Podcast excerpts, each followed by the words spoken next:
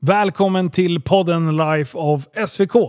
I dagens avsnitt ska vi träffa Patrik Strömma. Patrik och jag lärde känna varandra på gymmet för några år sedan. Han eh, har tävlat i bodybuilding, han eh, driver ett PT-företag och har drivit det i typ 10 år eller någonting. Eh, just nu har han tagit anställning på ett av våra svenska fängelser som kriminalvårdare. Så vi kommer att prata lite kost, lite träning, även lite svenska fängelser. Och sen, ja, jag kommer slänga in en och annan dum fråga som jag brukar. Så sätt dig tillbaka, för här kommer Patrik Strömma.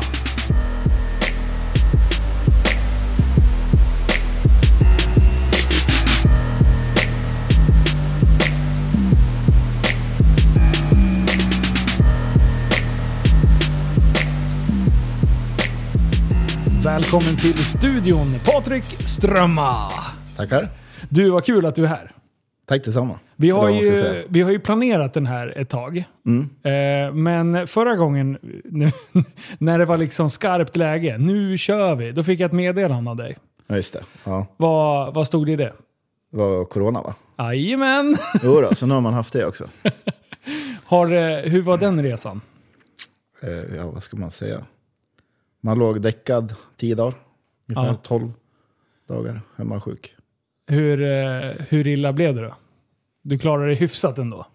Ja, alltså första fem dagarna var väl värst när jag hade feber och, och var allmänt trött och hängig. Ja. Men sen eh, så skulle jag ju vänta tills symptomen gick över innan man får gå ut framför dörrarna. Ja. Så totalt nio dagar innan jag lämnade lägenheten Ja. ungefär. Så. Men du, det här med lukt och smak. Mm.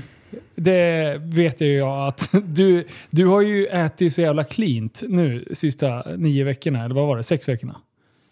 Eh, ja, precis. Smak och lukt eh, får ju många som försvinner helt efter de haft corona eller har. Ja. Eh, och på söndagen kände jag ju liksom smak och allting första dagen jag insjuknade. Ja.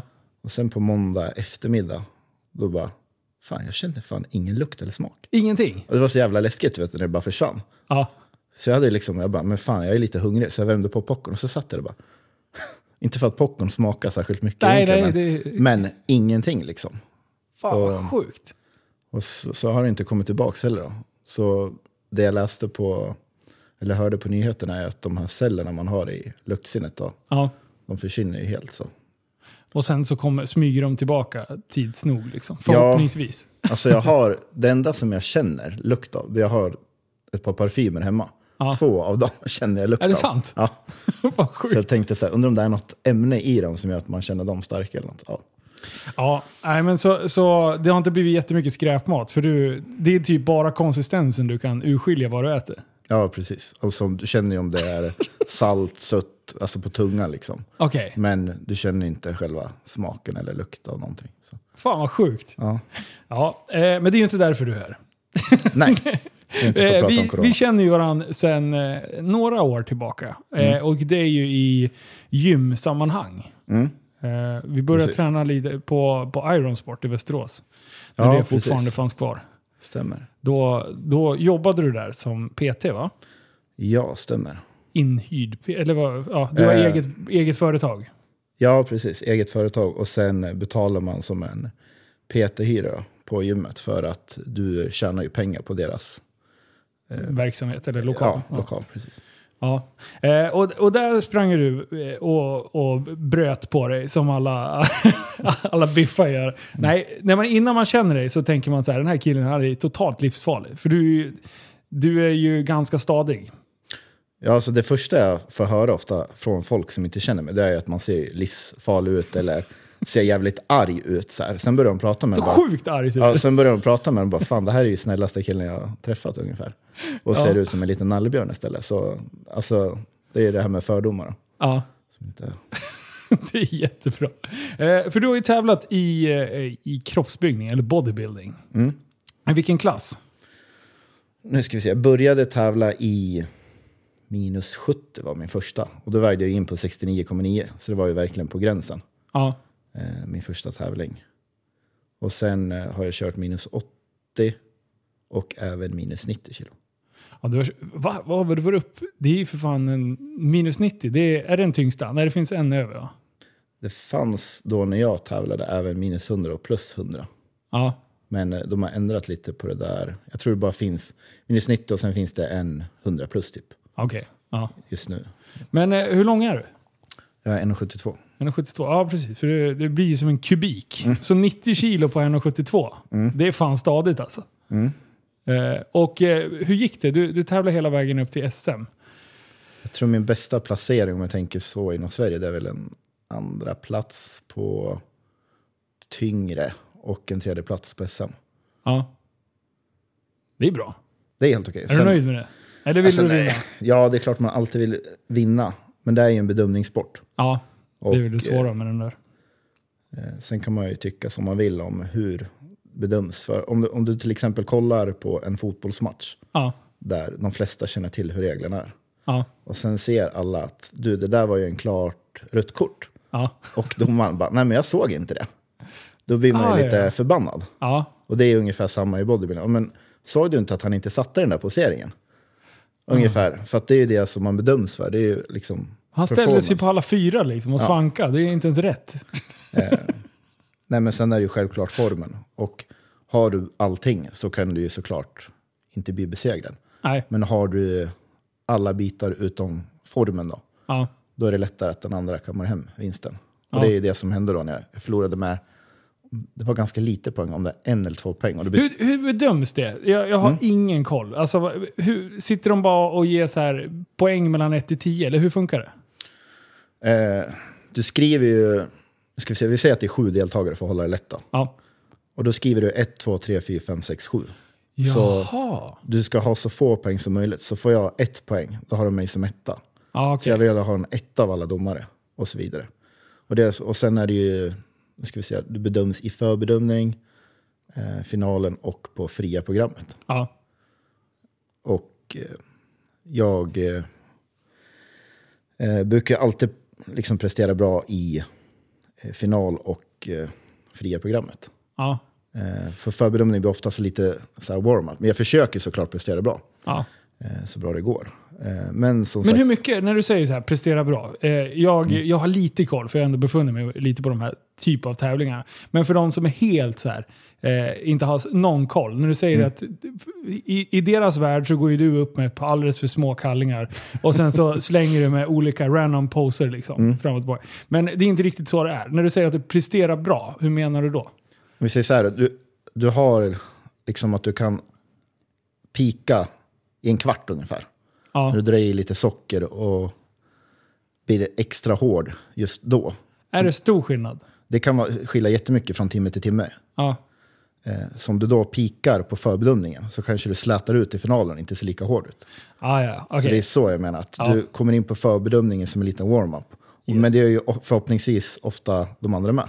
Ja, Men sen spelar det även in på eh, genetik och kroppsform. Vissa kan ju liksom se skitbra ut på förbedömningen och ännu bättre på finalen. ja. Det är ju det alla vill egentligen, se bäst ut på finalen. Ja, men det är jobbigt om man liksom eh, om man inte lyckas ta sig till finalen. Ja, självklart. Då, då, då, det, då spelar det ingen roll hur jävla bra det ser ut Nej, nej, eh, den kvarten bakom scenen. Liksom. Nej, precis. Försöka jaga tag på en fotograf. Fota nu! För Ja. nu det, är nu det händer. Eh, Okej, men, men eh, du, och sen fria programmet nämnde du. Det är alltså en fri posering till musik. Ja, precis. Du får välja en valfri låt då. Och du får posera i 60 sekunder Ja, till valfri låt. Eh, Jag brukar oftast välja någon som är lätt att posera till. Du ska ju sätta en pose förhoppningsvis till en takt på något sätt. Ha Ja. någon slags taktkänsla i det här. ja. Så det ser snyggt Det blir lite dans nästan. En Det blir, del ja, kör lite dans. lite balettaktigt kan man nästan säga. om man ska dra, hårdra det. Eh, blandat med dans. Men ni får inte ha med er några attiraljer. Du kan liksom inte dra med dig en, en sån fjäderboa och in och, och kötta runt med. Nej, vi får inte ha några extra grejer. Utan det är bara... Nej. Jag tänkte jag förtydligar det så att Mm. inte ni tror massa konstigheter där hemma. Ja, eh, för eh, jag har ju sett det, ditt... eh, Jag tror inte jag har sett dig posera live. Jo, det har jag fan visst det. I, under SM i Västerås. Mm. Då, och jag, jag, eh, du är duktig på det, på det fria. Mm. Där, där känns det ju som att du går in med självförtroende. För det, det, där är det ju jättestor hur, hur mycket man trivs på scenen. Mm. En del liksom ser osäkra ut och då ser det inte lika bra ut. Och en del, ja, du bland annat då, ni glider ju in med ett jävla självförtroende och sen typ bara tar ni över liksom scenen. Mm. Och det är, det är, det är ballt. Nej, men jag tycker det är roligt att posera fria. Alltså jag gillar att liksom lägga ner lite tid på det. Eh, Men sen avgör liksom hur vig du är egentligen. Så du, kan liksom du ska inte försöka dig på poseringar som du inte klarar av för att du är för stel. Ja, ja, ja. Nej, det, Så det, det är också en... det var den gömsken tänker man. Ja, precis. Och sen ha en musik som passar fysiken. En del kommer in med eh, riktigt så tung hårdrock och så väger de 60 kilo. Liksom. Det, det, det blir inte så ballt som man tror i huvudet alltid. Nej, nej. Utan däremot kommer en kille på 110 kilo och spelar riktigt tung hårdrock. Då, okej. Ja, då blir det lite, lite Ja. tryck bakom liksom. Så det gäller att hitta någon musik. Jag har oftast kört Sia på mina tävlingar. Vilken, vilken låt? Eh, Bird Set Free, Chandelier. Jag tror jag har haft henne på tre tävlingar. Okej, ja, ja, men då. Nu, nu kopplar jag, känner, känner jag igen. Eh, men eh, eh, hur, hur många år har du pysslat med, med själva, alltså inom tävlingsdelen inom byggning? Eh, jag, ska se. jag började styrketräna när jag var 16 år. Så jag har alltså styrketränat i, nu ska vi se hur många år blir det? 17 år har jag styrketränat då. Ja. Eh, men jag ville börja tävla när jag var ungefär 19 kände jag att fan det vore kul att testa på det här. Och idag är du, du är född 87? Så jag är 33 så år. 30, 32. 33. 33, exakt. ja. eh, men eh, hur, eh, hur snubblade du in på, eh, på, på gymträningen? Då? För jag har ju sett bilder, jag, sk- jag scrollar igenom din Instagram. Mm. Och då har du ju bilder från när du är väldigt ung. Mm. Eh, för övrigt så kan jag säga att det är bara träningsbilder och matbilder. Jag Mm. hittade en bild som inte var kopplad till mat eller träning. Ja. Och det var på en, bil. Och då hade du tvättat bilen. Du ville skryta lite att du var duktig att tvätta bilen. Ja, precis. Annars var det bara träning och mat. Eh, nej, men just Instagram-kontot startades egentligen eh, för att en kompis tjatade att jag borde starta det. Och sen Ja. i skenare sede blev det som eh, när jag fick sponsorer. Då. Ja. Och då var jag tvungen att lägga upp eh, tre bilder i veckan. Då. Aha. Och jag hatar ju egentligen att lägga upp bilder generellt i media och sådär. Jag är oftast inte en sån offentlig person egentligen. Nej. Ehm, Så jag tog ju liksom, stod där en dag i veckan och bara knäppte så många kort jag kunde. Och spred ut dem under veckan. Ja, ja, ja. men det, det är ett smart sätt att göra det på. Ja. eh, nej men vad var det du frågade? Eh, hur du snubblade in på... Jo, eh, och så beslutade jag mig då för att jag vill börja tävla när jag var 19. Och när jag var 21 år körde jag min första tävling. Shit. Så det, ja, det så det var liksom, ja precis, att jag ändå hade två år till på mig att förbereda mig. Ja. Gick du direkt upp i, i, i bodybuilding eller? Ja, det här på den tiden. Fanns det Mm. ens liksom mens fysik och, och de där grejerna? Nej, det fanns inte. Nej, för det måste ha varit ganska nytt i, i Sverige. Alltså, eh, he- hela byggningsscenen var väl inte jättebred om man säger så? Nej, alltså hela fitnessindustrin, det var, det var liksom inte stort alls. På Lucia-pokalen fanns ju även då när jag tävlade. Ja. Och vi var, jag tror vi var 67 tävlande totalt på hela Lucia-pokalen. Så i min klass var vi väl... För jämförelse nu då? Hur, hur Ja, ja, eh, idag är det väl över 700. ja, ja, precis. Så det har ju vuxit enormt. Liksom. Och då när jag började var det liksom så här... Det var, fanns ju liksom inga kända kosttillskott direkt sådär. Eller någon du kunde fråga om hjälp. Det, det fanns inte. Nej. Google hade väl kommit. Eh, så det, men du kunde liksom inte söka det så lätt till Nej. träningstips och sånt. Det fanns typ en, två sidor. Eh, och sen fanns väl Bodys hemsida som senare skapade ett forum. Ja, Okej. Mm. Eh, så du kunde liksom inte ta hjälp av någon, utan det var mycket att eh, ta reda på själv. Liksom. Det var svårt att, att söka information. säger. Exakt. Det var inte jättemånga som... För det var ju, det var ändå lite sjukt, bara hela den grejen innan Facebook kom. Eh, att man höll på med mycket forum och, och jag kommer ihåg att eh, inom hojvärlden då hade man ju sporthoj.com och alla hängde där. Och sen Bodys eh, forum med träning och det, där hängde alla träningsmuppar. Nu är det liksom allting har samlats på Facebook. Eh, och nu håller Facebook på att dö ut. Så Det känns i alla fall som att det är på väg. Så nu blir det så här, ja men nu är det lite Instagram och det är lite... Det är svårt att få hela den här forumstrukturen tillbaka igen. För jag tror inte någon vill tillbaka det. Förutom typ Flashback. Det är den enda liksom, eh, forumstrukturen som finns kvar egentligen. Eh, Så där är det ju... Eh, men, men de andra har ju liksom dött ut helt. Så det är ändå en konstig värld. Och det, de yngre kommer ju inte förstå vad vi pratar om. Nej, Alltså de, de som är riktigt unga nu. alltså det finns fortfarande, tror jag, en del forum där en del eh, större träningsprofiler skriver. Men jag tror det är vanligare att eh, sponsorer betalar dem för Instagram. De lägger upp Ja. stories och lägger upp, du kan ju lägga upp lite längre filmklipp nu för tiden, vad jag vet, på Instagram. Ja, precis. Eh, så att det är ju där de mesta tipsen och folk, folk blir så missledda nu för tiden skulle jag säga. Eh, men det kan vi prata om senare, jag kommer in på Ja. coachbiten. Ja, precis. Men eh, eh, första tävlingen då, då? Vilken klass gick du upp i? Var det, då var det bodybuilding? Ja, det var det minus 70. Jag vägde, vad kan jag ha vägt innan tävling? Alltså vi visste inte om vi sk- jag skulle hinna komma ner till minus 70 än, så jag vägde ändå 77 kilo då. Ja. Eh, Men vi pressade ner mig och jag kom in i riktigt bra form då. Eh, Tyvärr så kom jag tvåa på min första tävling. Han som slog mig var lite större, men jag var i mycket bättre form. Ja. Så då tänkte jag så här, inför nästa tävling, då måste jag bli större. Ja. Så inför nästa tävling, eh, då möter jag en som du har pratat med tidigare. Behöver inte nämna hans namn kanske. Jaha, Niro? Jajamän. Niro såklart. Eh, och det var faktiskt han som vann den tävlingen. Jag kom tvåa då. Eh, Ja. Och då kom ju han in, han var inte större än mig direkt, men han var hårdare. Och då Ja. tänkte jag, vad fan, första tävlingen förlorade jag för att jag inte är i form. Och näst, eller, nej, ja precis, inte är tillräckligt stor och nästa tävling förlorar jag för att jag inte är tillräckligt bra form. Så jag bara, okej, jag måste ha båda bitarna. Alltså. Ja. Och då blev det ju liksom det man får kämpa för. Och det är liksom det bodybuilding handlar om. Att komma in så stor som möjligt och i så bra form som möjligt samtidigt. Då. Och det är en svår balans eh, att göra. Ja. Och det är det som är hela grejen med bodybuilding. Att försöka komma in i den här toppformen och ändå behålla massan. Ja, det, vi har ju sett eh, folket på gymmet sista veckorna liksom. När, det, när det är zombieträning ungefär. Ja. Eh, helt tomma på energi.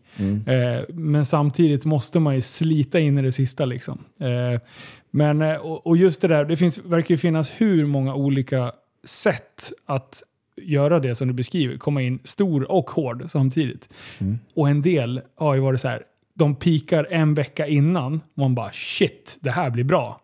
Och sen bara puff, tappar de sista, sista veckan. Och sen så ser det, ser det skit ut på scen. Eller ja, det ser ju fortfarande bra ut. Men i deras ögon, de beskriver sig som skit.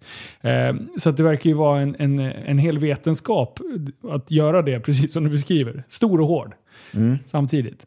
Det är, det, ja, det är en... För i mitt fall så har det oftast varit att jag eh, blir stressad av mycket folk runt. Jag vill oftast vara i min egna lilla bubbla. Ja, Så jag har ju, precis som du säger, varit jäkligt, sett jäkligt bra ut. Det kan ha varit allt från två till dagen innan. Eh, sen när du väl ligger backstage och det är runt med folk och du kan inte riktigt koppla av. Och du måste hålla dig nära scen, för rätt som det ska du upp. ja, För det här med sentiderna stämmer inte alltid. Det är inte liksom klockan nio ska du upp på scen, utan ibland blir det liksom, det blir halv nio kanske, eller det kanske blir tio istället. ja. Eh, så det, och det, är- det är väldigt svårt att hinna, finna den här ron då. ja. I alla fall för mig. För en del kan ju liksom bara, ja, ja det gör inget, lite mer chill. Men en del, är, man har de här tävlingsnerverna och lilla pirret man ska upp nu. Du har liksom kämpat för det här i stort sett ett år. Ja. Eller du kanske var två år sedan du tävlade, men du har ändå varit inställd på att om två år ska jag ställa upp på den här eh, tävlingen. Ja. Och sen är allt över på en kvart. Liksom. Så då är det liksom verkligen så här, nu ska jag vara i mitt bästa. Men hur värt är det då Patrik? Ni, så här, det, om, man ter, om man har över ett helt år. Vi säger att man, här, man ska tävla en tävling på ett år. Eh, nu vet jag inte hur du lägger upp det. Eh, äter du på dig liksom och blir eh, en, en fluff-Patrik? Eller håller du dig hyfsat hård året runt? Det beror på vilket år man tar tillbaka. Ja. Förut så, jag, också, jag hörde när du pratade med Nir också i podden, Ja. 15 kilo på ett dygn. Och det har jag också gjort efter en tävling. eh, och det är inte det hälsosammaste man har gjort. Eh, och nu har jag väl lite mer hälsosammare. Ja. Så om jag skulle fortfarande hålla på med tävling, då skulle jag nog gått upp max 10 kilo från tävlingen. Ja. Så att du ska liksom, det här är ju något man trodde förr i tiden, att du ska liksom bara äta massor med mat för att kunna växa. Men oftast behöver du inte liksom massor med mat. Du ska bara ligga på ett överskott och inte ett underskott. ja. Ge Eh, och kroppen inte tillräckligt. överäta. Ja. Exakt, Mm. för det blir bara jobbigare diet sen. Ja, eh, för, för det är lite dit jag, jag hamnar liksom. Eh, en del går runt och typ är halvfluffiga eh, större delen av året. Sen kör man så här 20-25 veckors diet. Är det för långt kanske? 20 veckor? Är det, är det så här rimligt om du har varit halvfluffig? Eller är det för sent? Jag skulle nog säga att man vill maxa ungefär 12 till 16 veckor Ja. diet. Okej. Vi säger, ja precis, man håller, håller sig... Då, då, större delen av året så är det inte så man vill se ut. Nej, Nej. Och sen så pikar man. Sista två veckorna, då börjar det se bra ut. Och sen ska du pika den där kvarten som du säger. Alltså när du är riktigt, riktigt bra. Det är de bilderna. Under de 15 minuterna ska det knäppa så mycket sköna bilder. Så Ja. att du hinner sprida ut det hela året. För, och sen så, så lägger alla upp så här. Åh, nu, nu är jag så här fluffig igen. Men titta här, här såg jag bra ut. Och så, det är så här leva på gamla meriter hela tiden. Men jag, jag, jag, jag, jag, älskar den eh, dedication, vad säger man, den målmedvetenheten som man har eh, i, i din, eh, din sport som du har pysslat med. Liksom. Att alla är så sjukt fokuserade. Och de håller sin jävla linje. Alltså skulle jag tänka ett år framåt, men herregud. Jag har ju testat fyra sporter till och jag har ju startat 25 projekt sedan dess. Liksom. Men ni bara kör eran grej. Jag, jag, kan, jag är lite avundsjuk på att jag inte är så också. ja, alltså allt handlar ju om vad man lägger energi på. Ja. Eh, energin riktas ju till någonting annat oftast. Typ som nu är jag mer att jag siktar på, vad ska man säga, business Ja, istället för tävling. Jag känner att just nu är jag ganska klar där. ja. Jag känner inte att jag behöver bevisa någonting. Möjligtvis att jag kommer köra en tävling någon gång längre fram. Men just nu vill jag mer satsa på business. Och... Efter 40 då får du väl gå upp i veteran? Va? Ja, precis. Du, du måste ju göra en sån ju. Det, det kanske blir där, eller 39 innan man blir veteran. Vi får se. Ja. Men eh, vi, eh, vi, vi lämnar eh, lite bodybuilding-grejer. Vi kommer komma tillbaka till det sen. Men eh, jag tänkte, för att lära känna dig lite mer som person. Eh, Jag frågade ju dig här innan om, om du är en detaljperson som gillar liksom detaljer eller om du är någon som, som eh, tar livet lite med en klackspark. Eh, Hur var du som barn? Oj, eh, jag var nog väldigt insnöad och nördig generellt på om jag höll på med någonting så blev det liksom, nu är det bara det här. Du, du bubblade in. Ja, precis. Bara Oavsett. sögs in i den där bubblan. Ja. Och sen var det bara det som betydde något. Ungefär så. Ja. Och det har ju liksom gått med hela livet. Man kanske måste vara det för att pyssla med byggning sen. Jag tror att du bara måste vara väldigt... Vad ska, hur ska jag förklara det här? Du vill liksom... Det ska vara prion för att lyckas med någonting. Du ska liksom lägga energin och fokusen på... Precis som du, om du vill lyckas med vad det än är. Som du siktar på podden nu. Då Ja. lägger du din energi på det här Mm. för att lyckas. Ja. Du kan liksom inte lägga lite energi, utan du måste lägga ganska stor energi. Ja, det, det, det är ju så. Eh, Men eh, det är därför jag aldrig kommer liksom ha Sveriges största podd. Nej. För att eh, jag kommer ju hitta fem olika till grejer. Det, det, det har ju alltid varit mitt problem. Och grejen är, jag har ju varit en sån här, just inom när jag spelade hockey, då spelade jag ju bara hockey. I fan tio års tid var det bara, bara, bara hockey. Och jag höll ju på att bli galen. Jag bara, men när ska jag hinna göra allting kul då? Jag kan ju inte bara träna bort hela livet. Liksom. Även fast jag tyckte att det var det bästa som fanns just då. Men jag insåg ju att det var andra grejer som lockade också. Liksom. Men eh, så, så bubblandet. Vad, vad är det för bubblor som du har? Har du haft eh, några roliga hobbys eller snöa in på, inte vet jag, dinosaurier eller något sånt där som folk har Nej, någon det, period? det Liksom. var nog mest spel just när jag var yngre. Spel generellt, Nintendo och sånt, när det kom. Ah, var du gamer? Ja, det kan man ju nog säga faktiskt. Är det så? Eh, men sen, eh, träning har ändå varit en del. Jag gick gått två år i fotboll, två år i karate Åh fy fan. och nu ska vi se om det var tre, nästan tre år i MMA slash thaiboxning. då. Jaha. Eh, och sen, eh, Vilken, vilken ålder pratar vi då? eh, nu ska vi se, ja från åtta upp till tolv år ungefär. Ja. Och sen eh, hade väl jag ett par break där. Ska vi se, när var karaten? Karaten kan nog ha varit mellan 12 till 15 ungefär. ja. Det är, ändå, det är ändå liksom, Ja. då har man ju lite koll på kroppen. Ja, så. precis. Och sen började ju vi, jag och nu ska vi se, tre kompisar med thaiboxning, MMA. Ja. Eh, på, Så det är alltså vid 15 års ålder typ? Ja. Efter karaten? Precis, i samma klubb som Robin Roos Ja. eh, körde. Så det var ju så kul att se han när han var liten. Han hade den här kämpaglöden redan då. Ja. Stod och körde stenhårda sparkar som en... Jag kommer inte ihåg hur gammal han var då. Han kan ha varit någonstans mellan 10 och 11 kanske. ja. Om inte yngre. Eh, för vi var ju 16-17 och han måste ha varit yngre. Han kanske var 8 bara. ja. Och stod och gjorde stenhårda sparkar på mittsarna. Liksom. Och vi bara shit. Det där. Och jag tänkte liksom, Han den här killen. bra. Ja, men han, han är ju bra redan där liksom. ja. Eh, nej, men vi köttade på och sen sa kompisen, en av vännerna, då, du jag ska börja styrketräna. Och jag bara, fan, det måste jag testa på. ja. Eh, så vi drog ju dit till gymmet så fort vi fick då. Vi kom upp Ja, för det var ålder. ju så här, ja men 16 år. Innan 16 år, då får du absolut inte vara på gym. Nej, då är det, då är det, det är så skadligt så att du kommer aldrig kunna överleva Ja, och vara på ett gym. Liksom. Eh, och, och, men, men det där har ändrats lite idag. Jag vet inte exakt. Jag tror du kan få ett godkännande av målsman, men att någon vuxen måste vara med dig. Ja, Då och, kan du börja och det, det roliga är att eh, ASK i Eskilstuna, eh, Allmänna Sportklubben, eller det där, där gymmar jag också. Och de har ju en eh, styrkelyftsklubb. Eh, där de har en barnverksamhet där de kör väldigt lätta vikter men de liksom nöter in övningarna och gör det till en, till en kul grej. Så de är ju inte mer än så här mellan 5 och 8, liksom upp till 10, så, så står de där och drar eh, marklyft och grejer med speciella stänger och grejer. Och de där verkar ha skitkul. Jag, Först så blev jag så här, ja men då sitter det här kvar. Man får inte gymma innan man är 16. Det sitter i ryggraden. För det har vi blivit, alltså till och med när vi är i hockeyn. Vi absolut inte gå in i gymmet. Du får inte vara, måste vara 16 liksom. Eh, men sen när man ser alltså, att de lär dem i god tid och de lägger inte på så mycket vikter utan det är liksom, de gör det till en kul grej. Så nu har jag liksom ändrat, nu tycker jag det är skitkul att se. Eller jag tyckte väl det egentligen från början också. Men jag köper hela grejen av att det är skitbra att stärka upp de muskelgrupperna och liksom få en, en funktionsduglig kropp. Och inte liksom, man står ju inte och kör biceps curls liksom, direkt. Utan de, de kör väl så allsidig träning.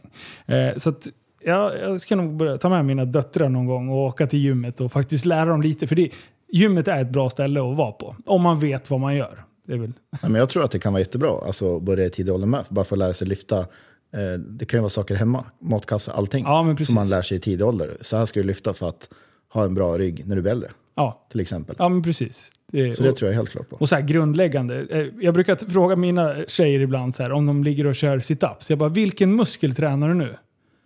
Då bara, ja, det är mage och rygg.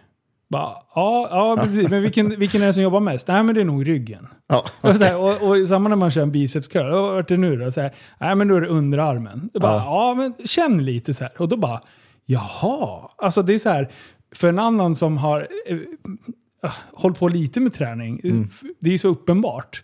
Men sen är det en andra, "Ja, jag ska träna axlar och så står de typ och, och drar. Och bara, fast det där är rygg. Jaha, jaha okej. ja, men då, så, att, ja, det är lite spännande. Men eh, eh, hur, hur var första träningspassen då, när, ni var, när det blev dags för 16 år? jag tror vi fick, vi fick något sånt här, eh, eh, vad ska man säga, som ett kort, vad vi skulle köra för övningar. Ja, Och lite instruktioner om hur maskinerna funkade. ja. Men jag kände ju direkt så här, alltså, kan du gå härifrån så vi får testa själva liksom. Eh, Jag, ska, ha- jag ska ha 100 i bänk, försvinn här. Nej, men just bänk blev ju något som vi började med då. Eh, för vi, sen krockade det ju med thaiboxningen då. Ja, Och till slut kom jag till en punkt i thaiboxningen att jag kände att 30 minuter av passet gick liksom till uppvärmning med så här raggarfotboll och grejer. Och jag bara, men hallå, jag är här för att liksom köra Jag ska slå någon. Ja, Hallå. men precis. Jag ville ju lära mig mer tekniker liksom. Eh, ja, och sen gick de mer över till brasiliansk jiu-jitsu. Alltså man, för de som inte vet vad det är, när du ligger på golvet och, Och kramas. Lite, ja, och kramas. Och du vet, så fanns det liksom killar som var, svett, var skitsvettiga efter den här raggarfotbollen. ja. Och jättehårig. Jag kände bara, jag vill inte ligga och krama en hårig kille här på golvet. Alltså, det är inte riktigt min grej. Så jag kände, okej det här är inget för mig. Och Nej, sen du vet, vet, du eh, vad, vet du vad någonting som är för dig? Det är att vara inoljad, jättebrun och renrakad på en scen. Ja, precis. Andra- Så lite hår som möjligt istället för så mycket hår som möjligt. Ja. Nej, så det, det blev det ju liksom att, när det krockade då, att jag kände att det här blir för mycket träning i princip. Ja. För det var liksom, thaiboxning var varje helg och det var tidigt på morgonen och även i veckorna. Ja. Eh, plus gym och sen hade vi börjat gymnasiet då. Och då liksom var jag tvungen att jag kände att jag måste skära bort någonting. Ja. Och då blev det självfallet thaiboxning. För jag kände att nu har jag ändå lärt mig vad jag tycker är ganska mycket. Det står lite stilla. Det kanske kommer senare i livet. Ja. Eh, och jag var faktiskt, det kan, undrar hur många år sedan det kan ha varit, fem år sedan. Och körde ett träningspass med just Robin Men- Roos. Ja, men, okej. Och då satt ju teknikerna kvar liksom. Och man hade ju liksom fan. allt kvar fortfarande Sänkte du ros då? Nej, vi, Ska, jag- ska jag sätta upp en match mellan er? Så jag kan Eh. filma, ja det är lugnt. vi körde på mitsa, men, ja. Okej, ja det är bra. Ja, men det var bra träning. Eh, nej, jag fall för styrketräning då. Ja. Men du, eh, eh, om vi går tillbaka, eh, Patrik som barn. Eh, jag vet ju, vi, vi pratade ju lite här innan och eh, då berättade du att du har nyligen gjort en utredning. Ja, precis. Jag har ju som sagt alltid känt att, eller många har alltid sagt också, det här är något speciellt med mig. och jag har alltid blivit så jäkla trött, du vet, om man ska ut och flyga eller generellt, konstant trött. Eh, Och då tänkte jag, ja men, eh, jag gör en utredning då. Ja. Och kollar om vad jag har. Och efter en timme med läkare och psykolog, de bara, ja men du har ju ADD. Ah, bara, de, "Okej." de satte den på en gång. De satte den på en gång, fast du ska ju såklart göra klart utredningen då. Så nu, eh, jag fick min diagnos för om det är två månader sedan att jag har ADD då. Ja. Och det är just tröttheten som är liksom det som du upplever är ett problem med... Eh, var det därför du sökte?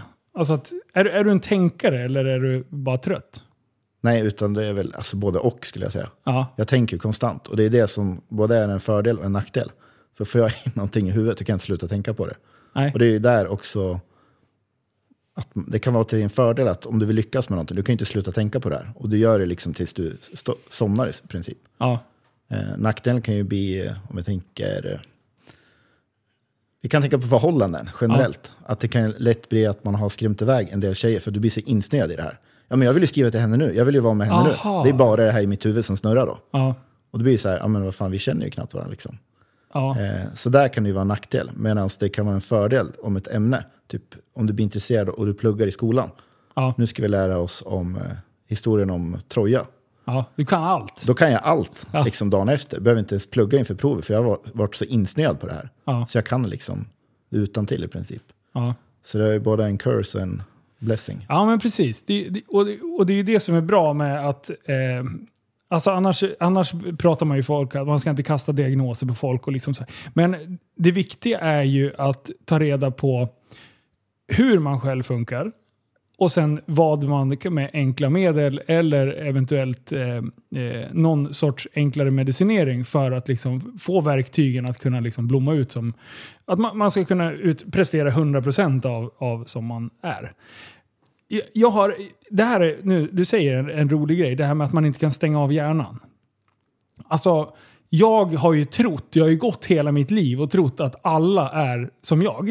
Eh, för att jag vet ju ingenting annat eftersom jag bara har haft den här kroppen och den här hjärnan. Det- Jag stänger aldrig av. Alltså det går inte. Hela tiden så är det någonting som snurrar. Det, och just det här, har jag fått för mig att jag ska byta bil? Alltså jag, jag kan inte släppa det förrän jag liksom har nördat ner så jag vet exakt allting om alla konstiga bilmodeller jag ska Alltså det bubblas no enormt. Men sen när jag har bubblat klart, då kan jag vara så trött på det. Så jag bara, jag ska inte alls byta bil. Och då har jag suttit och googlat och typ kollat YouTube eh, och eh, eh, Blocket som en jävla dåre liksom. Och jag har ju trott att alla upplever det här. Men det är ju inte riktigt så, har jag upptäckt ju mer folk jag pratar med. Har du känt dig annorlunda där också? Jo, men det blir ju så att man, speciellt att du är lite känsligare än alla andra också. är också Okej. en eh, grej med vad ska säga, diagnosen. Men sen kan det också vara hur du är som person. Ja. Eh, för jag gillar ju också inte att sätta diagnos på allting. Nej. Utan det här är mer bara för att jag själv ska få hjälp med den här konstanta tröttheten med alla intryck och grejer. Ja. Eh, så jag tror det handlar mycket om hur man är som person också. ja. Hur insnöad och sånt man blir på grejer. Är, det, är det liksom stoj och grejer runt omkring som gör att du blir trött? Eller är du trött liksom hemma också? Så? Nej, alltså jag kan sova åtta timmar. Sen tar jag och går en, eller är en tur på stan i två, tre timmar. Ja. Och sen är det som att, fan nu måste jag sova en timme. Ah, okej. Så det är så pass illa, eller vad man nu ska säga det är, Ja. den här tröttheten. Men sen vissa dagar går det ju skitbra liksom. Ja. Eh, Då kan jag köra på och sen slår det till på kvällen eller dagen efter istället. Har det blivit så att du har dragit dig undan från sociala, eh, alltså sociala sammanhang lite med flit? Eh, för, för att liksom, ja men typ om det är en festkväll. Eh, hur, hur pallar du med en hel kväll liksom när det är party? Alltså jag dricker, då, då fixar jag det. Ja, Men om, om jag kör nykter då? Nej, då brukar jag oftast bli väldigt trött mot kvällen där. Ja. För att det man snackar liksom och sen eh, att jag ofta byter, vad ska man säga? Jag stannar oftast inte och stannar och pratar med en person utan jag byter Ja, du umgänge. minglar. Ja, minglar runt liksom Ja. för att eh, eh, hålla mig pigg. Okej, okej. Det ska hända någonting. Liksom. Ja. Ja.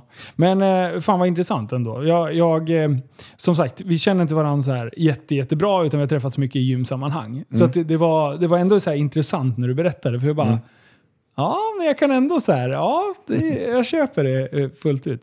Ja, men vad roligt. Eh, eller roligt, det, det är intressant att du har fått diagnosen och att du kan nu, nu kan testa lite så att du kan Eh, vad, vad käkar man för... Är det någon medicinering som...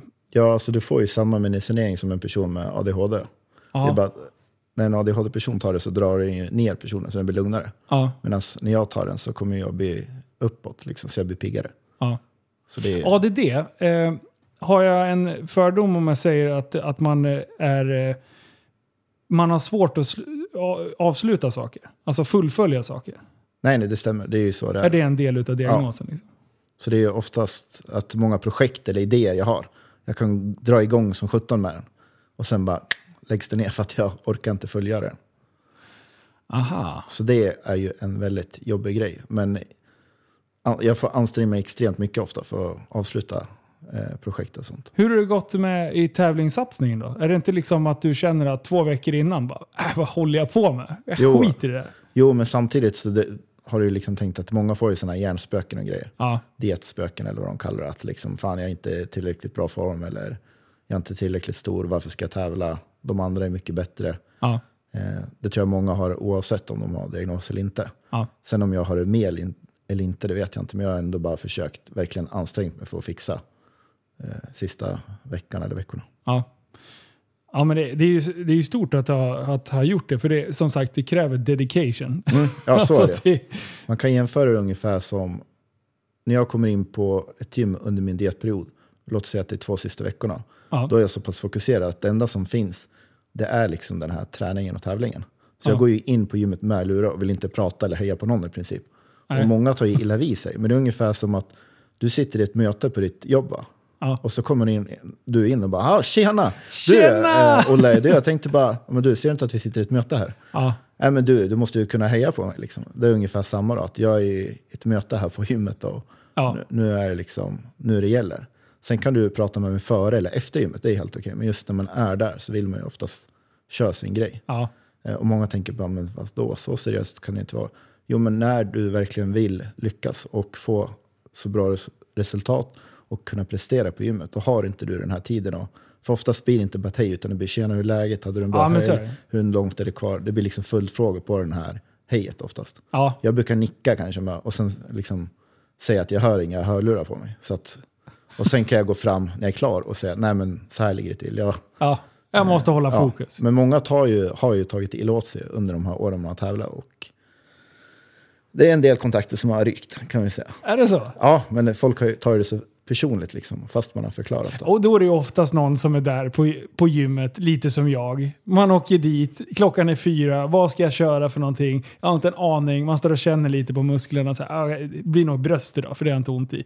Eh, det är ju vi som, eh, som pratar och, och tar illa upp då. Typ bara, fan Patrik, otrevlig han är liksom. Vi som aldrig har eh, haft någon tävlingsintention överhuvudtaget. Men jag kan tänka mig att det är många andra tävlingsmänniskor också som... Men eh, du, eh, om vi går in på själva PT-biten. Mm. Hur, eh, hur startade det projektet? När drog du igång det?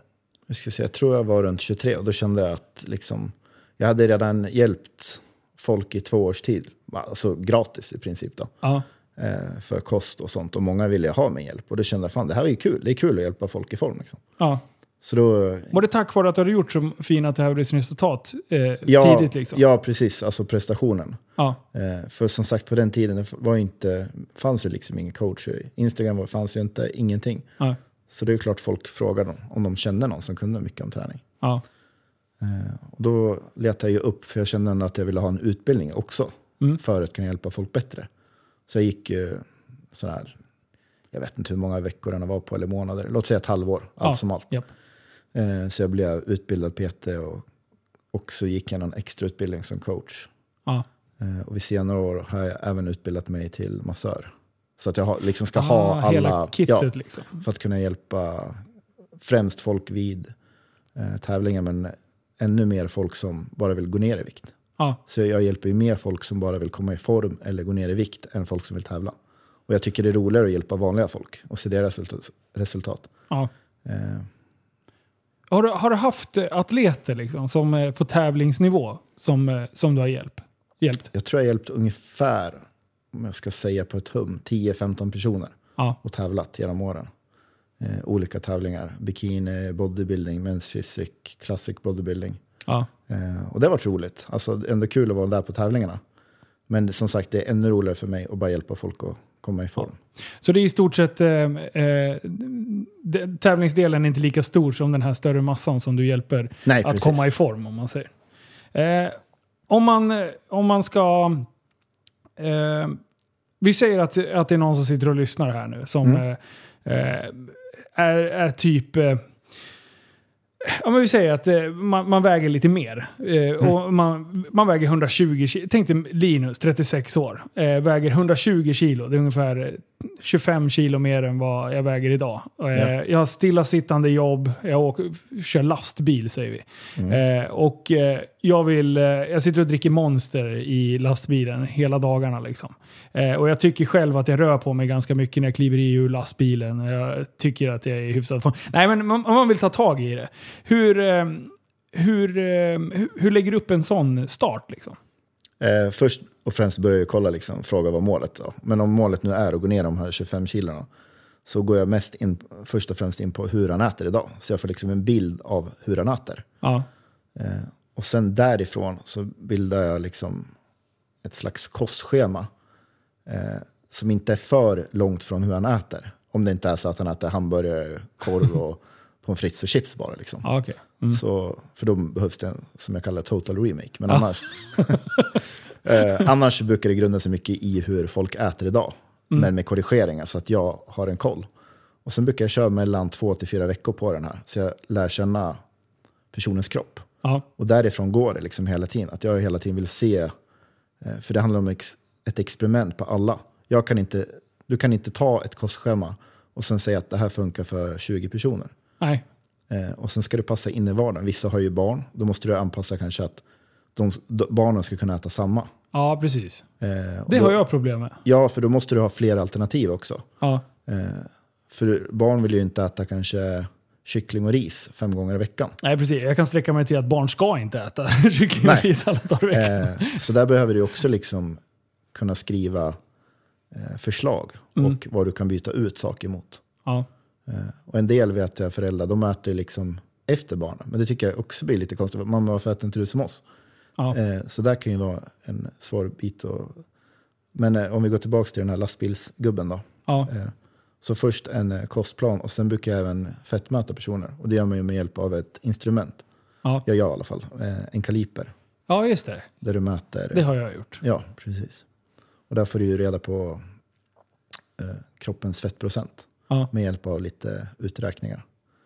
Eh, och då har jag en början på, okej så här mycket har han nu. Sen finns det en del som inte vill göra det, för de känner sig, jag vill inte stå där i underkläder att du liksom äter mig. Då brukar jag säga, det är helt okej, men det är både bra för mig och för eh, klienten. Att få tydliga resultat. Ja, för då ser jag, ja, men det står inget på vikten. Nej, men hur ser det ut på fettprocenten då? Ja. Du kanske har gått upp 1-2 kilo i muskler men tappat fett och då står ju vågen på samma. Ja. Eh, och där är ju många som gör fel, att de köper en våg och går bara efter den. Och även Ja. jag har haft jättemånga kunder som bara, det har inte hänt någonting, jag väger samma. Så kommer de till mig, oj 5% ner. Ja.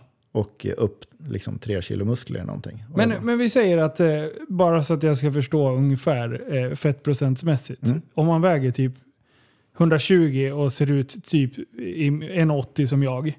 Mm. Eh, vad, vi säger att man har typ samma muskelmassa som jag har också. Mm. På, på ett ungefär, vad ligger man i fettprocent? Om man inte vore överviktig, du, om, du menar om det vore muskler nu då? Ja, men vi vi säger att snitt av s- som jag, fast och sen väger jag 20 kilo till. Så att jag Eh, blir 15 fluffig. procent då kanske? Är det, är det inte mer? Jag skulle chansa på att det är 15 procent. Alltså procenten ökar ju inte för att du väger mer. Nej. Nej, nej du tänker så. Nej, precis. Eh, ja, men eh, om, om en, en, någon som är riktigt överviktig då? Mm. Alltså så här, det, det högsta man... Det, ja, Det högsta jag mätt på en kan Ja, precis. Eh, jag tror det kan ha varit 35 procent. Och det är ju riktigt dåligt Det är kan man säga. mycket. Eh, Om vi, för att folk ska förstå då. Eh, en kille som är i en hälsosam fettprocent borde ligga mellan 10 till 15 skulle jag säga. ja.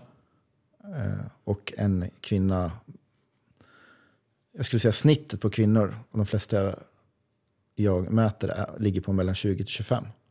Okej. Men i hälsosamma skalan ska man ligga på mellan 15 till 20 procent. Okej. Mm. Eh, och sen kan det ju vara så att alla kan se jättebra ut i kläder. Mm. Och tro att de är jättehälsosamma. För BMI stämmer och allting. Mm. Men sen när man gör de här fettmätningarna, då märker man oj, du hade liksom 4 procent för mycket fett. Ja. Eh, och där beror det oftast på deras kost. Ja, det, det, det, det, jag skulle vilja säga att, okej om man säger så här, träning versus kost. Eh, hur, hur stor procent är liksom kosten kontra träning då?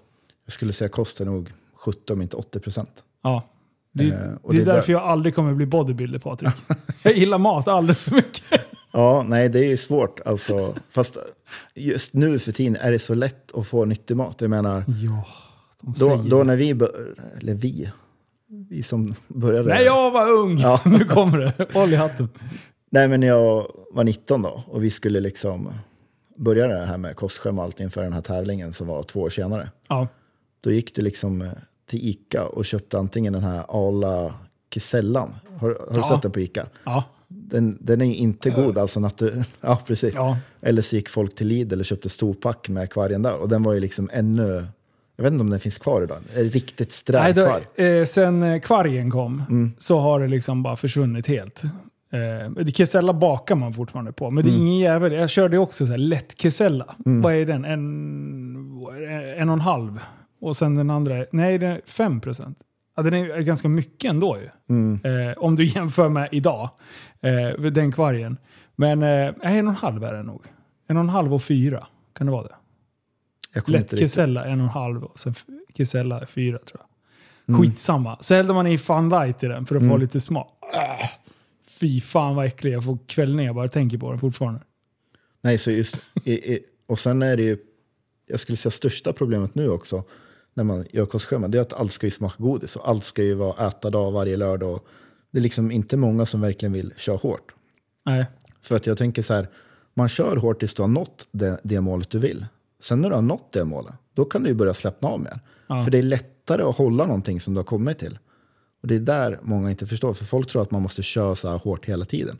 Utan när du har kommit till det stadiet att du har kommit ner de här fettprocenten, då är det svårare att gå upp. Så länge du inte spårar tillbaka på samma gamla vanor såklart. Ja, precis. Men det är lättare att hålla. Då gör det inget om du liksom glider ifrån kostschemat lite mer och mer. Ja. Men ändå håller Inom rimliga gränser. Exakt. Eh, för att jag menar, fortsätter du hela tiden samma också, då kommer du fortsätta gå ner. Då kanske du inte är i den form, då kanske du blir liksom, ja men nu har jag blivit för smal eller. Ja. Så den här balansen, balansgången är ju viktig. För.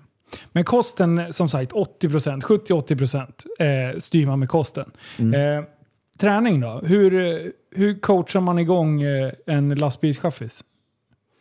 Vad rekommenderar du? Liksom? Jag skulle säga, vad, vad, då börjar jag liksom fråga mig, vad tycker du är kul att göra? Liksom? Skulle, Ja. skulle du tycka det är kul att styrketräna? Skulle du tycka det är kul att gå promenad? Att ha någon form, hitta någon form som man gillar. Det kan ju vara paddel eller eh, det kan vara bowla till och med. Även om bowling inte är så... Det är utfallssteg. Nej men förstår du? Att man Skitmånga hittar, utfallssteg med ett, samma ben. ja, men har- att man hittar en aktivitet som man rör lite på musklerna. Ja, För att han kommer ju börja få ryggproblem sen så småningom. Och för den här killen är ett ryggskott som inte är van att träna. Jag menar, han kommer, ju bli, han kommer nog aldrig bli av med det här ryggskottet skulle jag säga. nej. Eh, för må, jag vet många idag som får ryggskott och de i princip de tror att det är bättre att vila. Du måste liksom röra på dig. Jag har haft ryggskott en gång i mitt liv.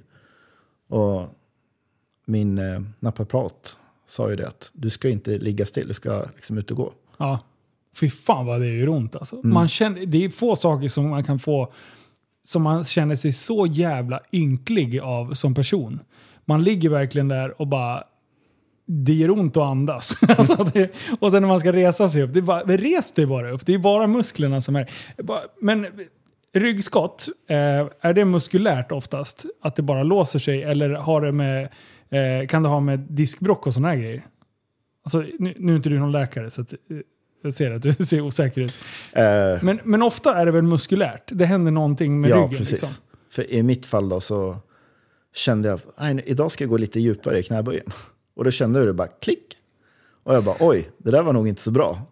Så jag bara, nej men det var nog lugnt och fortsatte köra mitt benpass liksom. Like you do. Sätter mig i bilen på väg hem och så ska jag komma ut från bilen sen då. Jo tjena, det gick ju inte. Eh, så man fick ju dra sig ur och sen eh, på något sätt dra sig upp för trapporna hemma och eh, ringa naprapaten.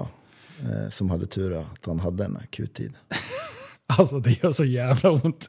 För er som inte har haft ryggskott, eh, var, fortsätt vara nyfikna. För ni vill inte veta vad det är. För det är ett jävla gissel alltså. Och det sitter ju i så jävla länge om man inte vet hur man ska rehabba. Jag har, jag har jättekorta höftböjare. Så nu vet jag, när det börjar hugga i ländryggen, då har jag tidigare så här, ja, men lite det som barnen, att de inte vet vilken muskel det är som kopplar in. Då står jag och töjer på ryggen. Eh, och det gör ju liksom ingen skillnad. Det jag måste göra är att stretcha ut höftböjarna så att jag får en bättre vinkel på eh, bäckenet. Alltså själva, jag går ju och svankar liksom till slut. Eh, så om jag stre- stretchar ut framsidan, då ger det sig i ryggen. Och det tog lo- lång tid innan jag, innan jag förstod hur, att det hängde ihop. Liksom. Det är sen så här en allmän grej som jag skulle nog vilja tipsa alla om, som folk inte gör i dagsläget, det är att verkligen ta hand om kroppen. För folk vill inte lägga du vet, tillräckligt med pengar. Folk väntar tills det går sönder eller gör ont istället och så blir det svindyrt istället. Ja. Vi kan ta ett exempel att jag tycker att man ska gå på en behandling av massage eller någon form ungefär varannan till en gång i månaden. Ja. Eh, bara för att underhålla, inte bara gå för att det har ont. Och det kommer troligtvis göra ont och kännas första gången man går.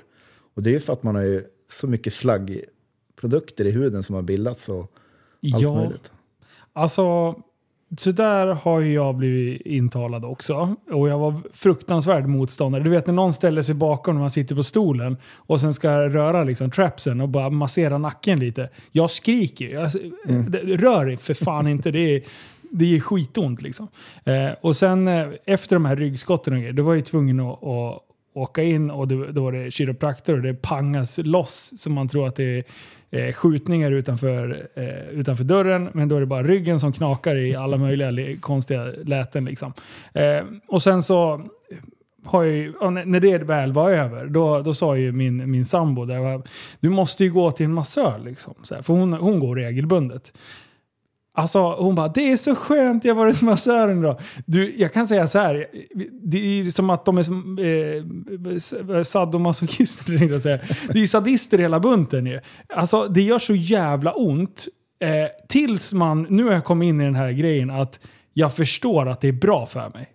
Men jag tycker ju fortfarande att det gör ju ont hela tiden. Men nu har den här smärtan blivit till någon så här skön smärta. Då vet jag så här, okej, när hon står och trycker här, jag har en jävla punkt här under till axeln i armhålan.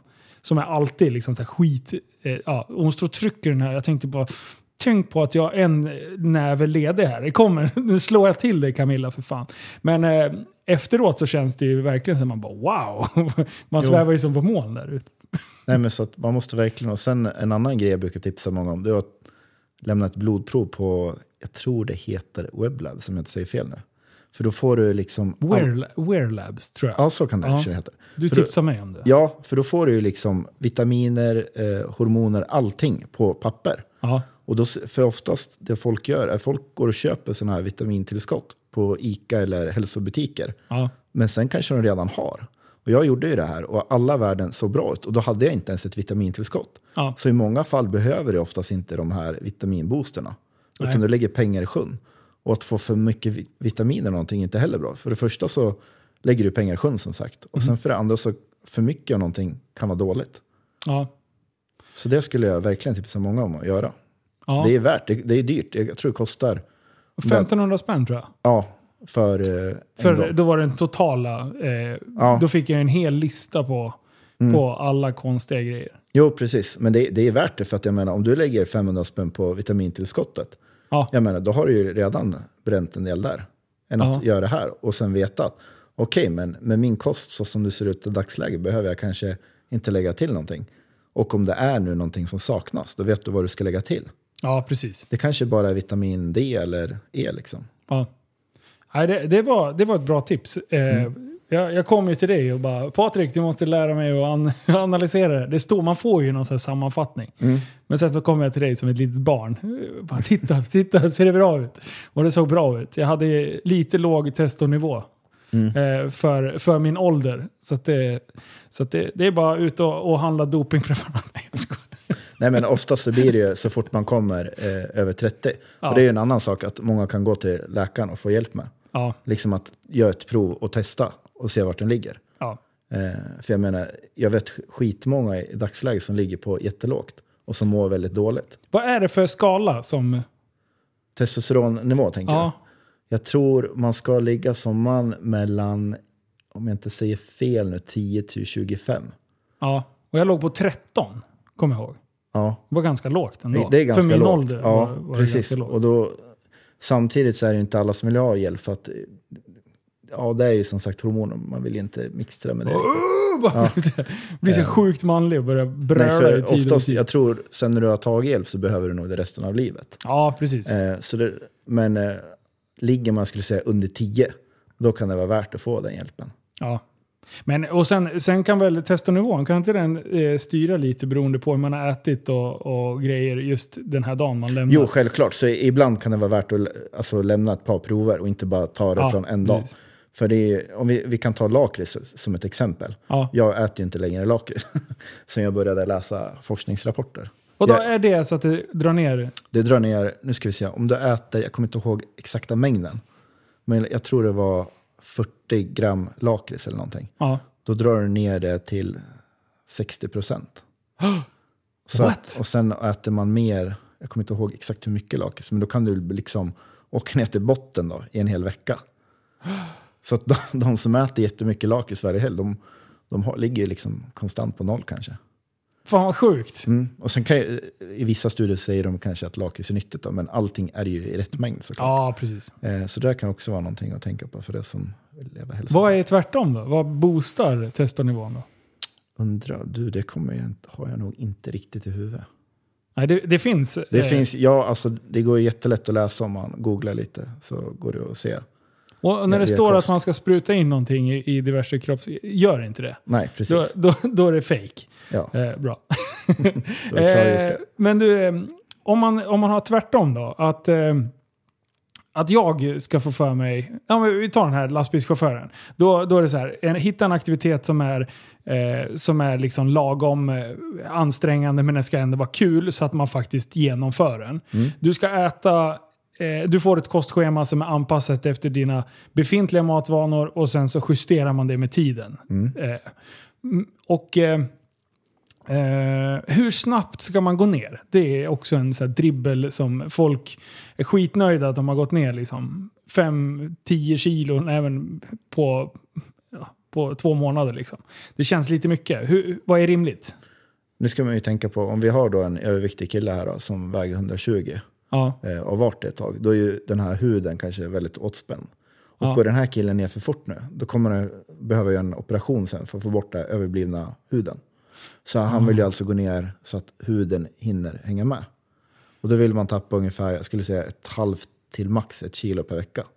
ja. Så att det blir ju långsamt. Men jag menar, man vill ju liksom tänka på helheten och inte bara gå ner i vikt.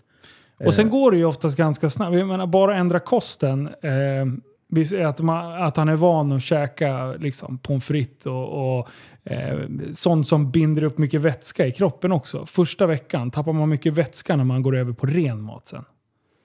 Ja, alltså en del vätska kan ju såklart hänga med. Alltså om man äter mycket kolhydrater speciellt. Kolhydrater binder väldigt mycket vätska. Ja, Eh, Så är det en person som äter mycket kolhydrater så kommer han ju gå ner en hel del i vikt Ja. i början av den här dieten.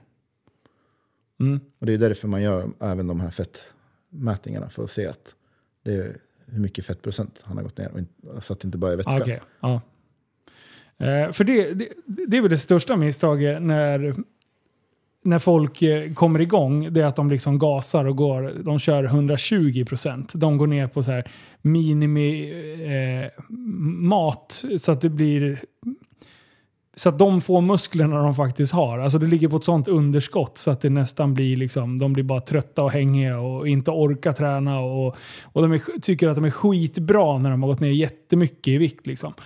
Där skulle man väl, alltså just att kunna hålla igång aktiviteten så att du faktiskt byter ut fettet mot lite mer muskulatur. Alltså så att du börjar bygga grundligt om man säger. Mm. Är det nästa steg liksom? Eh, kopplar man alltid på träning? Eller är det liksom bara aktivitet i någon form? Alltså, det, man kan koppla på aktivitet av någon form. Ja. Men om jag både skulle ge han ett låt säga, träningsschema och kostschema, då skulle jag inte veta vad som funkar bäst för den här eh, klienten. Jaha, okej. Så jag vill ju, det blir ett experiment blir det. Och så är det med alla, för att jag måste lära känna mig den här eh, killens kropp. Ja. Och allas kroppar funkar olika. Eh, Skiljer det så mycket mellan, från person till person? Ja, för det, vi kan ju, det är som att vi kan gå in på genetik generellt. Ja. Eh, vi tar tre killar, eller tre tjejer, spelar ingen roll. Ja. Alla får nu äta likadant i, vi säger ett halvår, Ja. eller en månad. De får träna likadant, sova likadant, alla har samma förutsättningar här. Då är det en av de här som troligtvis kommer få bättre resultat ja, såklart. för genetiken. Och sen testar vi byta. Nu byter vi både mat och träningsupplägg. Men det är fortfarande en som kommer prestera bättre än de andra. Sen kan det vara att en kille funkar lite bättre på det här schemat och en lite bättre på det här. Ja. Men i helheten så kommer en av dem hela tiden prestera bättre. Mm. Eh, och genetik handlar ju allting med kost och träning om. Ja, ja men bra, bra förklarat. Eh, Okej, då tar vi Linus 36. Ser ut som jag gör idag. Eh, men nu, nu är det Patrik. Nu ska den här killen upp på scen. Mm. Han ska biffa på sig utan, bara dess, utan dess like. Liksom. Mm. Hur, eh, skulle du, hur skulle du coacha mig för eh, vägen till scen? Då skulle jag först nog börja med att fråga hur länge du har styrketränat. Eh, Sen 2014 har jag tränat. 2014. Ja, men då har du ändå tränat ett tag och har hyfsat koll på en del övningar. Så då kan man eventuellt göra träningsschema direkt. Jag kan plankan, jag kan bänkpress. Eh, nej men oftast som sagt så börjar allting likadant. Vi går igenom hur du äter idag och sen eh, eh, vilken, eh, vilken tävling du vill göra. Hur Ja. lång tid har jag på mig att få dig till den här? Och du säger, vi säger nästa år, december. ja, nästa. Så jag ja. får ett år på mig i alla fall. Ja. Det är vad jag, det är ett drömläge att man vill ha. Ibland har det kommit folk som, jag vill tävla om tre månader. Man bara kliar sig i huvudet, bara, oj hur ska jag lyckas med det här? Hinner knappt lista ut hur Eh, kroppen ja, funkar. Liksom. Och då blir det verkligen så, okej du får komma hit varannan vecka så jag får lära mig hur din kropp funkar. Liksom. Ja, Men generellt ett år, då har man lite mer tid att bolla. ja, Så då börjar vi med kost, vi går över hur du tränar Mm. och har koll på allting. Och sen skulle jag nog säga, vi kör tre veckor på det här. Och sen kommer tillbaka och sen får jag liksom en reflektion av dig. Hur du tycker, funkar magen? Hur ser kroppen ut? Jag får kolla hur allting funkar. Eh, För just när det gäller tävlingar är det mycket om hur magen känner också. Om du känner dig till exempel uppblåst på pasta, då kan vi inte köra pasta. Då testar vi Ah. ris. Hur funkar det ris för magen? Funkar skitbra.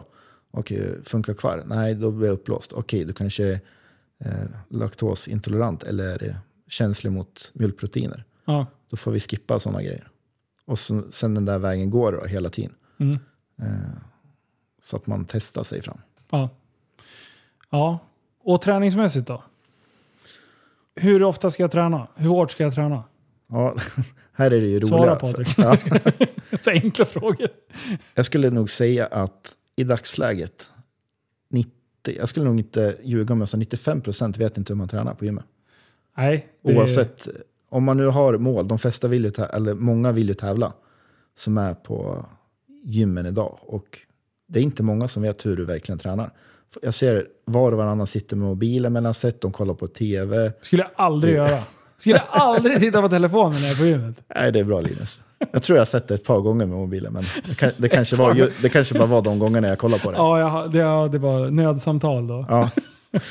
eh, nej men generellt för att du, liksom oavsett vad du har för mål så är du ju där för att prestera. Du är där för att träna, du är där för att nå ett mål. Och då tänker jag, man har nog tid att lägga bort den här bilen och alla sociala medier i en timme.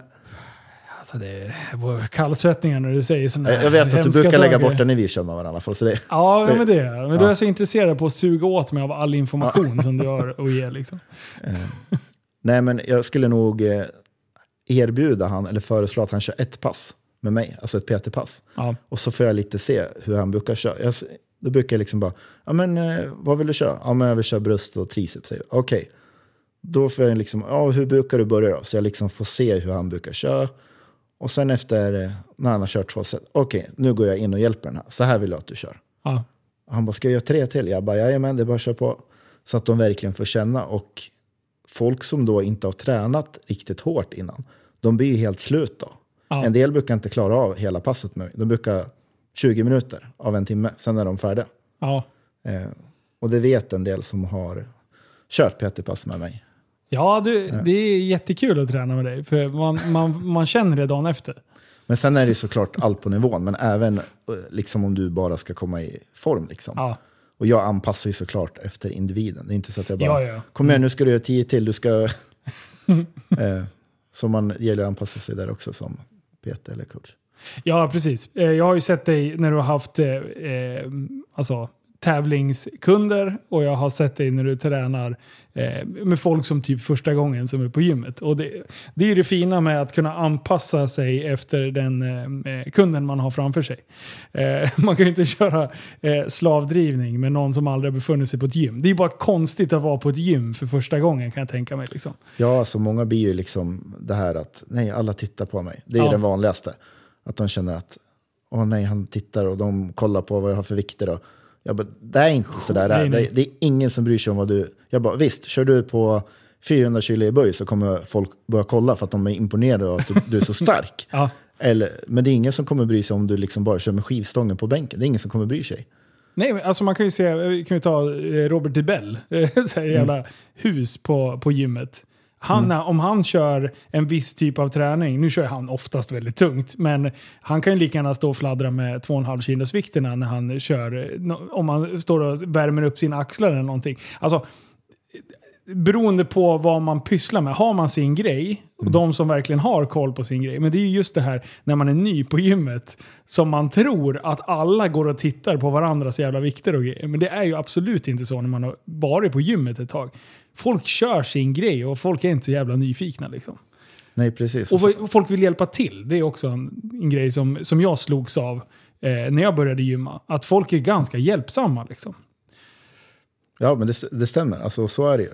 Att det är inte så farligt som man tror. Liksom. Utan Nej. folk är ju där för oftast hjälpa generellt. Sen beror det på såklart vilket gym man är på. Ja. Vilken tider. Men generellt så är de flesta väldigt snälla. Ja.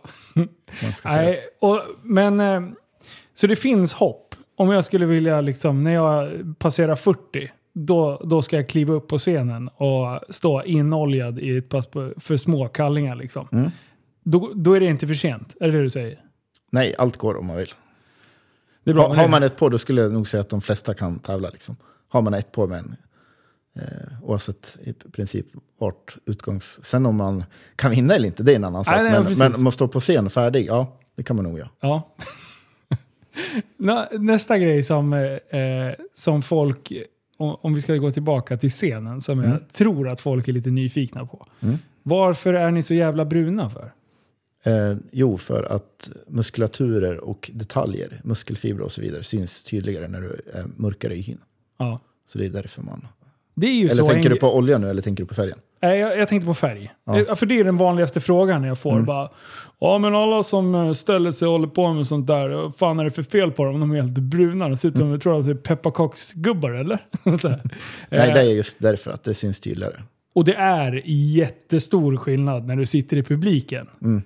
Är det någon som har riktigt bra färg, Eh, då, den sticker ut på något bra sätt. Eh, mm. Sen kan du sticka ut på dåliga sätt. Om du är alldeles för ljus eller om du är alldeles, alldeles för mörk. Ja, precis. Och speciellt när man har glömt och kört ansiktet. Så man har så här likblekt ansikte och kölsvart ja. kropp.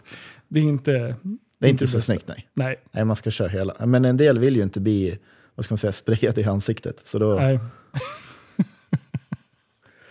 så då ser man lite ut. Men du, vi lämnar lite tränings, eh, träningsgrejen överhuvudtaget. Eh, och eh, du besitter ju en, en annan eh, spännande grej. Det är ditt yrke. Mm. Utöver eh, PT-verksamheten. Vad, vad pysslar du med? Jag jobbar på ett, eh, det vi kallar högsäkerhetsfängelse i Sverige. Så Coolt. det, är en, det finns ju olika klasser i Sverige. Det finns tre klasser, Ja. varav tre är den lägsta och ett den högsta. Då. Och jag jobbar ju på en etta. Eh, så en etta då, om vi, om vi tar det så generellt. Eh, vad, hög säkerhet, det är den högsta säkerhetsklassen. Mm. Vad Är det liksom murar, staket och, och stängsel?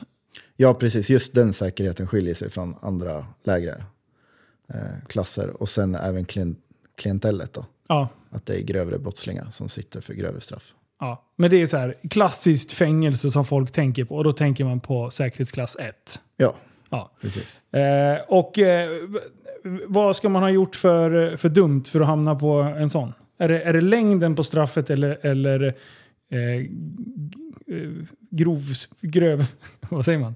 Hur, hur grova brotten är? Man kan säga att egentligen rymningsrisk kan man väl säga. Högsta anledningen. Ah, Och sen misskötsamheter från andra anstalter. kan ja, göra att du kommer till en högre. okej, okej. Eh, säkerhetsklass 2 då? Då har Mm. du inga murar och staket då? Eh, det är nästan i princip som en etta, men det är som sagt lite mindre säkerhet. Ja. Och sen är det ju lite skötsammare klienter. Ja. Ungefär Och sen- där kan man... Och sen klass 3, Ja, då det- är det mer... eh, Alltså, du håller folk på plats men det är inte rymningsrisk alls liksom. Det är alltid en rymningsrisk, så är det ju. Men Ja. eh, precis, precis, det är ju de vad ska man säga, intagna som man eh, anser sig inte vara flyktingsbenägna. Utan de kan hålla sig där. Ja. Och som sköter sig. Är, det, är, det, är man alltid på en trea innan man släpps ut? Nej, som sagt, det beror på straffet också. Okej. Vad du har dömts för. Ja. Och sen just om vi tänker platsläget i Sverige. Att vi har ju överbelagt med om det är uppe vid 120 procent i Sverige. Ja, det är så illa? Ja, och då blir det ju att vissa som kanske skulle sitta på en trea hamnar högre upp och så vidare. Okej. Ja. Eh, men eh, på, på en etta då. Eh, hur, hur ser en avdelning ut? Eh, Jag som inte har, jag, jag har noll koll på svenska fängelser. Det, det är därför jag är lite nyfiken. Jag bara tänker hur jag ska förklara. Vi, vi kan ju liksom inte riktigt förklara hur det ser ut. Eh, De, de har ju kök, eh, tv-soffa. Ja. de Som ett allmänningsrum? Ja. ja. får bryta, vad ska man säga, isoleringen. Att de inte bara är på rummen. ja. Och sen har de egna rum. Mm. Och vad har man på rummet där då? Alltså det är ju typ ett sk- skrivbord för att skriva brev och sånt. Eh, säng, tv. Ja. Toalett? Eh, toaletter finns ju självklart. Ja, ja, precis. Men är det allmänna liksom? Eller? Eh, både och, det beror på rum och så. Okej, ja. Eh, och hur ofta, hur, eller hur stor del av dygnet är man liksom inlåst på sitt rum kontra får man få ut och spatsera fritt? Eh, vi, alltså hela Sverige följer ju nu för tiden, eller vad ska jag säga, nu för tiden, eh, mänskliga rättigheter. Ja. Då är det att du får ju max vara inlåst i 12 timmar. Okej, Så 12 timmar utanför rummet då kan man säga, och 12 timmar i rummet. ja. Och när man är utanför rummet, vad, vad gör man då? Eh, de har ju arbeten att göra, till exempel olika arbeten beroende på anstalter. Eh, så där liknar det väl lite om man har sett en del, vad ska man säga, amerikanska fängelsefilmer, att de går någonstans, liksom att vissa jobbar med tvätt eller... Ja, ja så- precis. De har kedjor på benen, Nej, eh, shit. så hackar så här i marken och, och så, så någon, är det inte. Det så är, kommer någon med piska och så här. Ja, men jag, jag förstår precis. Så, så har vi. det är ganska långt ifrån, om man säger på det viset, i Ja. filmer. Men eh, att de har sysselsättning, ja. Det. Känns det som ett fängelse? Ja, ja, absolut. Ja, det är så. Mm. Det är, eh, hur är förhållandet mellan eh, fånge och, eh, eh, vad säger man? Eh, fångvaktare, vad heter det? Eh, Vad heter ni? kriminalvårdare. Kriminalvårdare, så heter det. Men man kan ju säga att de är ju dömda för sitt straff Ja. redan. Så det blir ingen dubbelbestraffning så. Deras straff är ju att de är frihetsberövade. Ja. Så vi försöker liksom, jag brukar försöka att inte tänka för mycket på vad det är de har gjort. ja, just det. Utan jag gör mitt jobb liksom. Det är Ja. hålla säkerheten och eh, vad ska man säga, hjälpa kanske man inte ska säga. Men att, Men göra, göra, eh, göra det så smidigt som möjligt för alla. Man vill inte... Ja. Som lite konfrontation som möjligt, men ändå liksom hålla sig inom ramarna. ja, precis. Är det... Så kan vi säga. Nej men om de ska ringa telefonsamtal så eh, sitter vi och lyssnar av en del samtal och så vidare. Så det är sånt vi bistår med, eller vad man ska säga. Okej, så ni håller koll så att det inte... Ja. Är alla, är alla samtal bandade? Eller blir de bandade eller måste ni lyssna live? På de här högsäkerhetsanstalterna då, så lyssnar vi av de flesta samtal. Ja. Ha!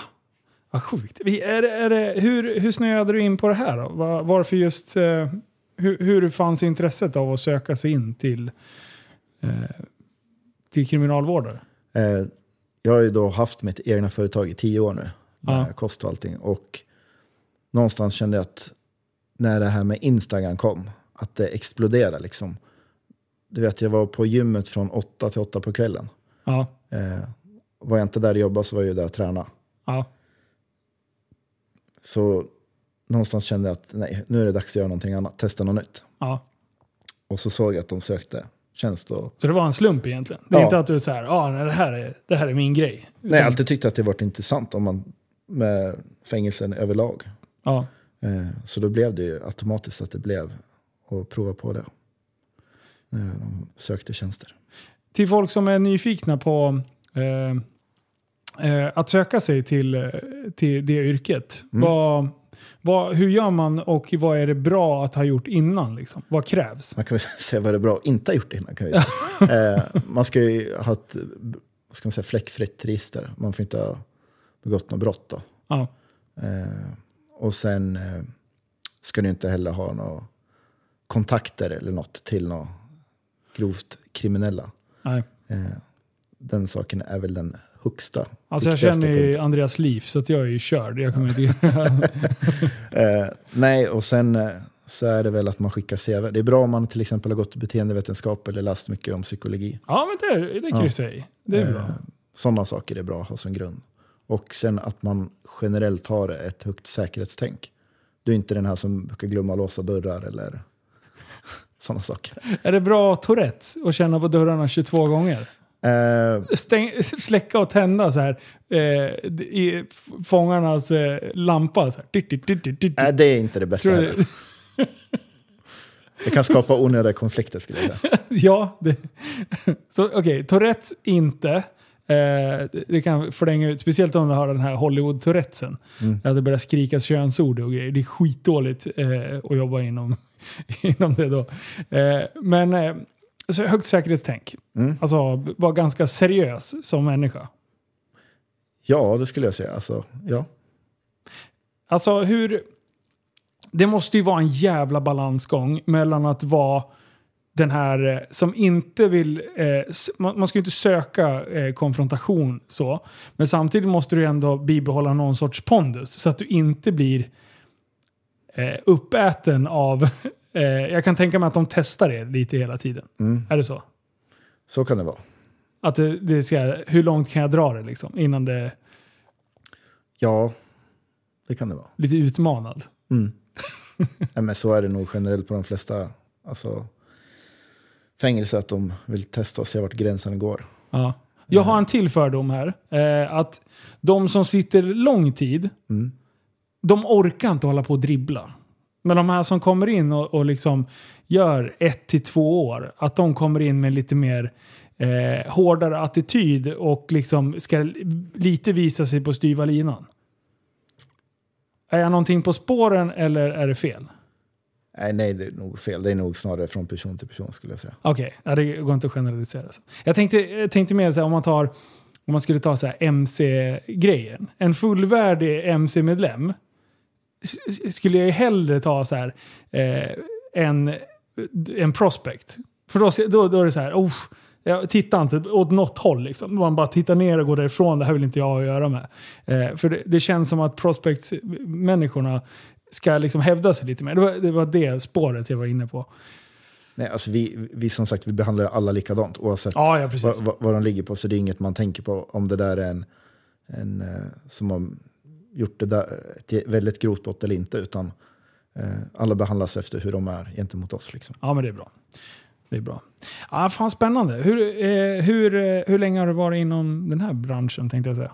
Eh, nästan tre år. Tre år.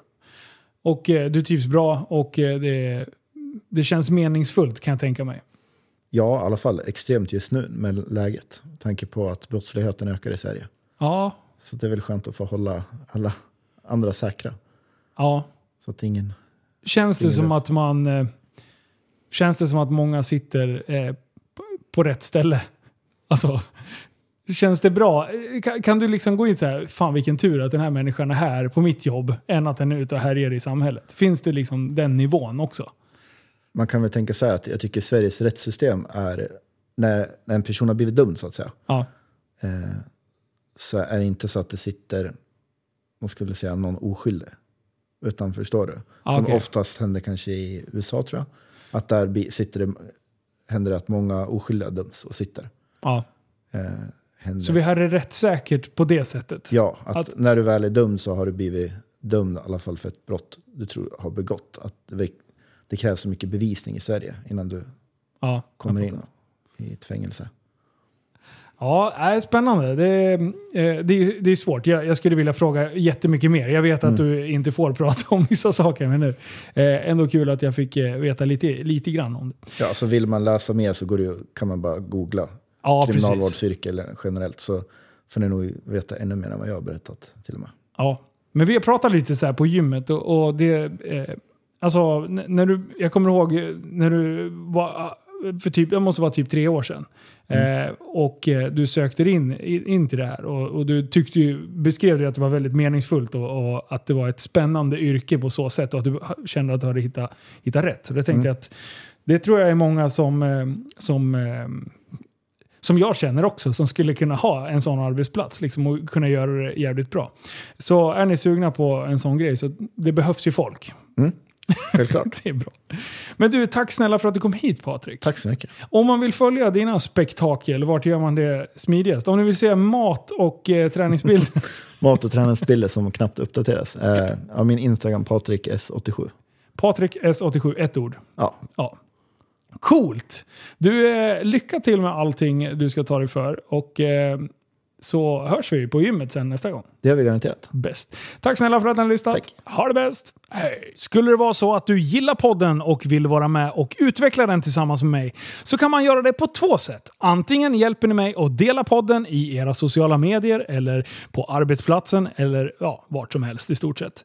Eller så kan man vara med och bidra lite ekonomiskt. Och det kan man göra via Swish på 0734 33 29 95. 0734 33 29 95. Jag får tacka för de donationerna jag fått så här långt och eh, jag lovar att jag ska göra något riktigt, riktigt bra av den summan som kommer in. Tack snälla för att ni har lyssnat så hörs vi igen i nästa avsnitt.